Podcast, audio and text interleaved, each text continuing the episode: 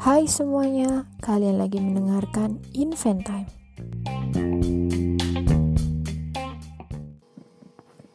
Halo semuanya, kembali lagi dengan segmen Invent Time. Pada kesempatan kali ini, kita akan mereview karya tulis ilmiah dengan judul Konsolidasi Penegakan Hukum Laut Nasional melalui Pengadilan Bahari sebagai upaya mewujudkan harmonisasi hukum di Indonesia. Karya tulis ilmiah ini ditulis oleh Haris Setiawan, Adam Wisnu Aji, dan Fasal Akmal Musyari. Penelitian ini secara garis besar membahas mengenai problematika penegakan hukum laut nasional di Indonesia pada masa kini dan juga terkait bagaimana konsep pengadilan bahari sebagai langkah awal konsolidasi penegakan hukum laut nasional dan sebagai upaya mewujudkan harmonisasi hukum di Indonesia. Karya tulis ilmiah ini menggunakan jenis penelitian yuridis normatif di mana penulis menelaah bahan hukum sekunder dan dilanjutkan dengan penelitian terhadap data primer di lapangan. Selanjutnya masuk dalam pembahasan penegakan hukum laut di Indonesia dianggap masih belum cukup efektif Hal ini dapat dilihat dari kurangnya konsolidasi peraturan dalam sistem penegakan hukum laut sehingga menyebabkan diskoordinasi yuridiksi yang berakibat pada tidak optimalnya eksekusi akan kasus yang masuk ke pengadilan perikanan. Melihat keadaan tersebut, dapat disimpulkan ada empat problematika penegakan hukum laut nasional di Indonesia, yaitu yang pertama adalah penegakan hukum secara diskriminatif.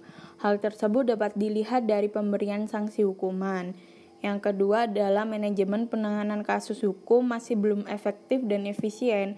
Penanganan kasus yang cenderung lambat serta kurang koordinasi antara instansi terkait dapat membuat pihak yang bersangkutan merasa dirugikan oleh tindakan aparat penegak hukum.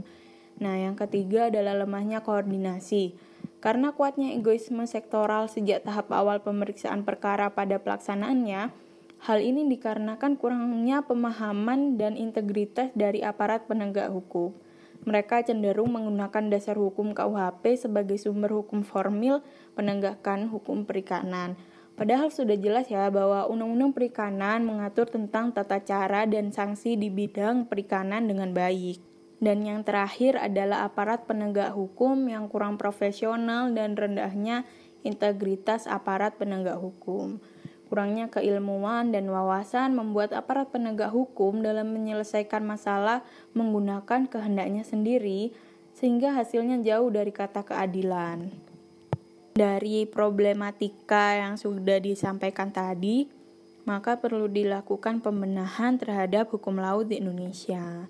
Pembenahan yang harus dilakukan di antaranya adalah dari faktor hukum, faktor penegak hukum, dan juga faktor sarana atau fasilitas yang mendukung.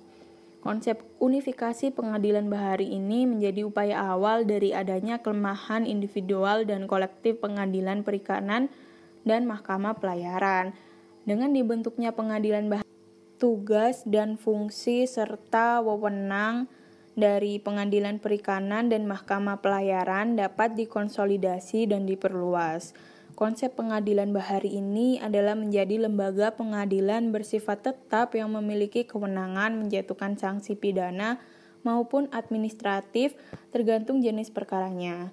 Kewenangan dari pengadilan bahari ini diperluas dari perkara perikanan sampai dengan kode etik profesi. Perluasan dari segi pidana dapat dilihat dari berbagai jenis tindak pidana kelautan yang menjadi kompetensi pengadilan bahari.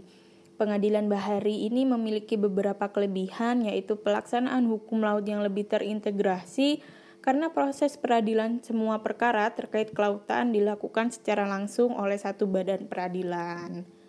Nah, sekian review KTI yang dapat disampaikan pada kali ini. Sampai jumpa di segmen selanjutnya.